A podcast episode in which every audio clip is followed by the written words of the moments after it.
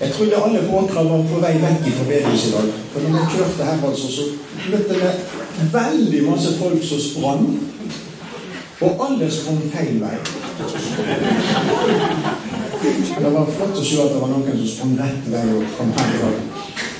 Og Jeg trodde det var en bibeltime jeg skulle ha, eller en sånn liten bibeltime. Så så er det familiemøte. Så nå, eh, nå blir det en utfordring her. det må jeg bare si. Og så blir det en prøve da for alle, alle som er litt sånn eh, under 15 år. Hvor lenge de klarer å holde ut med en predikant som preker. Kanskje jeg kunne gjøre en avtale med, med matkomiteen at eh, for hver ti minutter nå de sitter i ro og, og hører på en gammel mann, så kan vi ta en sjokolade. Da gjelder ikke de voksne. Men vi har altså da et tema på denne helga her, og jeg skal prøve å si litt videre om det i dag. Men jeg skal love deg at jeg skal ikke holde på i en vanlig bibeltime. For at jeg har fått tidsfrist i dag, så da skal det gå litt kjappere enn vanlig. Men vi skal bli litt i sammen først.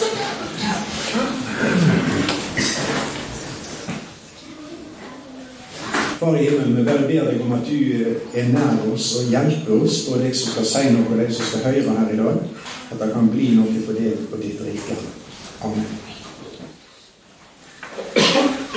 Vi har da et tema denne helga, det er altså 'medan det venter', som det heter på nynorsk, og 'mens det venter', heter det på, på bokmål. Og I går så starta vi på dette her, og vi så litt på noen bibelord som forteller oss at vi som Herrens folk vi er altså på vent.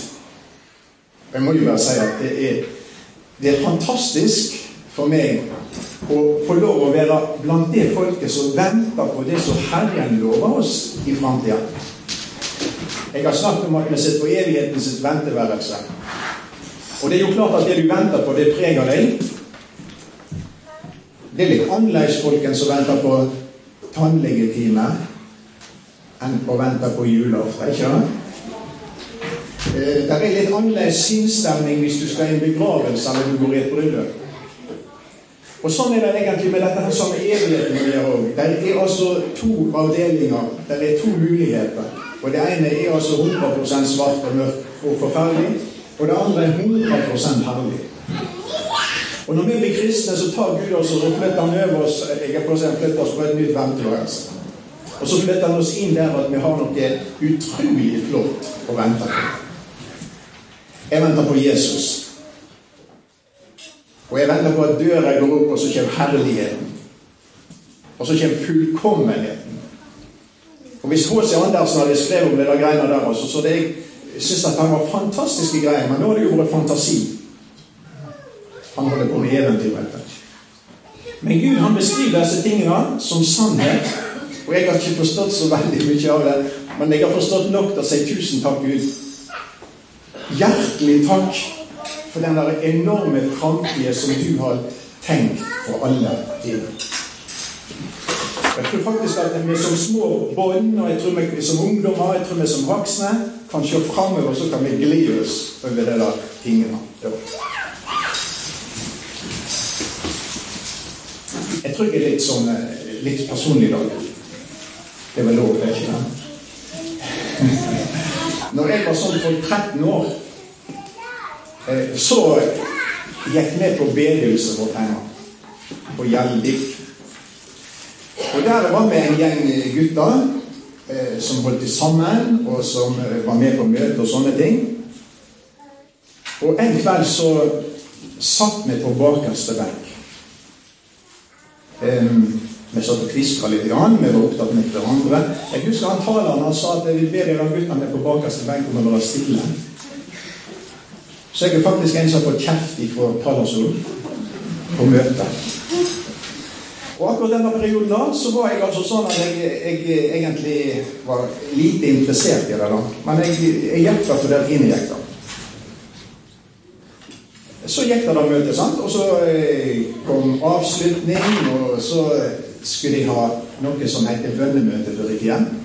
Og da gjorde de på den måten at de bøyde ned med disse stolene, og så ba de til Gud. Og jeg fikk panikk og sprang ut. Og til min store forskrekkelse så kom ikke mine kameratene mine ut. Og vet du hva jeg gjorde da? Ja, Da fikk jeg panikk hele veien. Så jeg sprang inn igjen.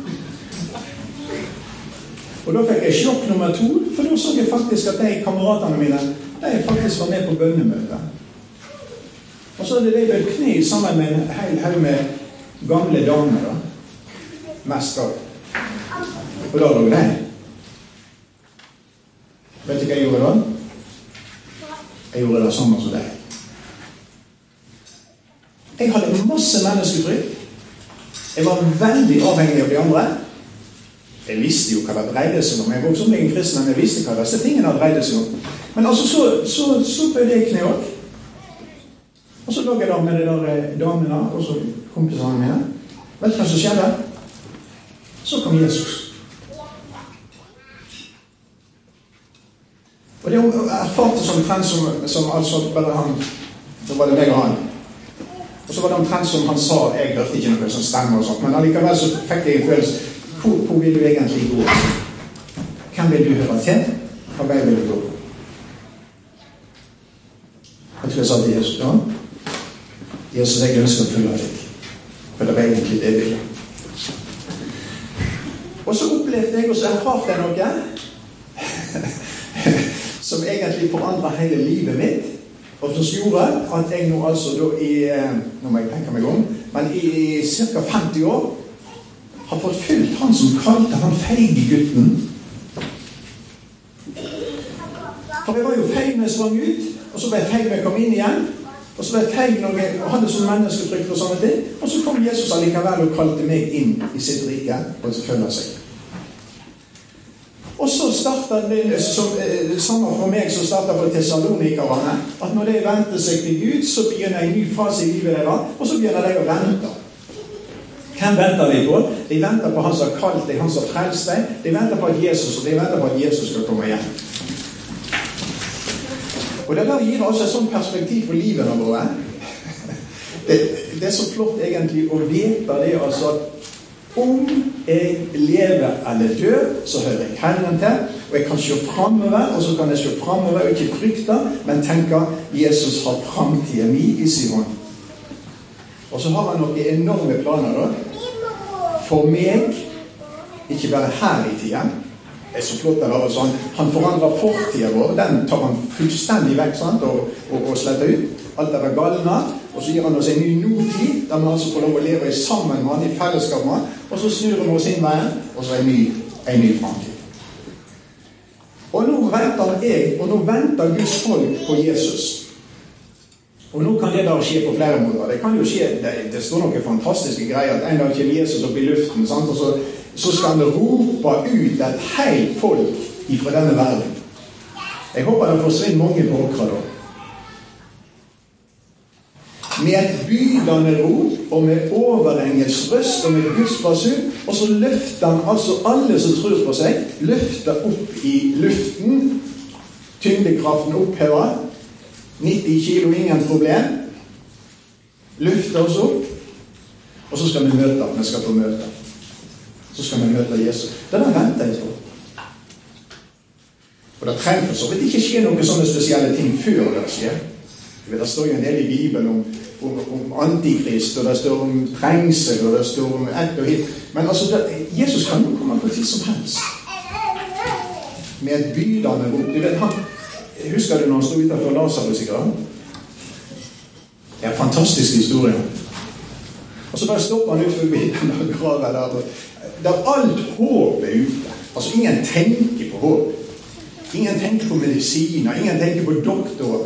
Ingen tenker på Det er et lik som stinker, som ligger lagt i grav i fire døgn, så, så råtner. Og så står det en mann, og så roper han 'Lasarus'. Er han galen? Nei, han er Gud. Kom ut. Kan du fortelle meg hvordan et råtna liv kan høre? Hvordan et råtna liv kan reagere? I neste øyeblikk står Lasarus lyslevende framme. I kjempeform. Helt frisk. For en kraft det må være i dette ordet for Jesus. For en myndighet. Og så var det en som sa jeg tror det er helt sant, det var bra han sa Lasarus, ellers hadde han tømt alle graver. Jeg tror det er et poeng det. Men den dagen var det Lasarus. Men når han kommer hjem, så skal han med bydende rop løfte opp alle sine. De som blir døde, sant? Og de som lever når han kommer. Kanskje det blir oss. Jeg holdt på å si det hadde vært artig. Men det vet vi ikke. Men vi er på vent. Og så kan vi tenke sånn, og så kan vi speide, og så kan vi Ja. Kommer vi i dag? Kommer vi i morgen? Jeg kan ikke garantere at Jesus kommer innen to år. Men jeg kan heller ikke garantere at han ikke kommer i morgen. Og så lever vi i en sånn spenning hele veien. Når kommer han?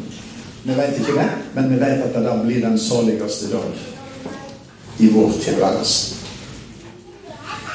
Og hvis det ikke går den veien, hvis det skal ned om sånn, altså, ned om graven, så, så får jo det våge seg, da. For bak der venter også Jesus. Og de fleste inntil nå har altså måttet gå den veien. Men eh, døden har jo òg fått en ny, ny funksjon for oss som tror på Jesus. Og Jesus har jo forandret alt. Eller? Det var umulig for døden å holde på ham. Døden hadde påtatt alle. Døden hadde holdt for alle. Men så kommer dødens beseirer. Han dør på Gålgata, han går til dødsriket, og døden kan ikke holde ham. Og ikke bare det, men han har gjort det sånn at døden kan heller ikke holde på noen av de som tror på ham. Så graven er ikke det siste. Graven, eller døden, er som bror som sier min ferjemann til livets faste land. Håper alle som er her i dag tror på Jesus. Jeg håper alle som er her, kommer på riktige venteværelser.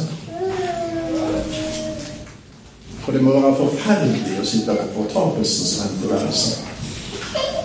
Mange gjør det. Utrolig mange. Og vi burde grine for hver. Og vi burde be for hver eneste en. På fortapelsens venteværelse. Men på himmelens venteværelse, på venteværelse der vi venter døra går opp, og vi sier Jesus, der ønsker vi flest mulig. Og mens vi venter, så tenker vi på dem. Og så har Bibelen masse å fortelle oss hva vi skal bruke tida på venteværelse. Og det skal vi se litt mer på i de neste timene. da. Men hvis jeg ikke sier mer nå, så har jeg ikke prekt deg å gjøre i dag. For, foreløpig Kanskje jeg skal gjøre det etter grauten. Da tåler jeg mer. Men jeg skal bare si amen.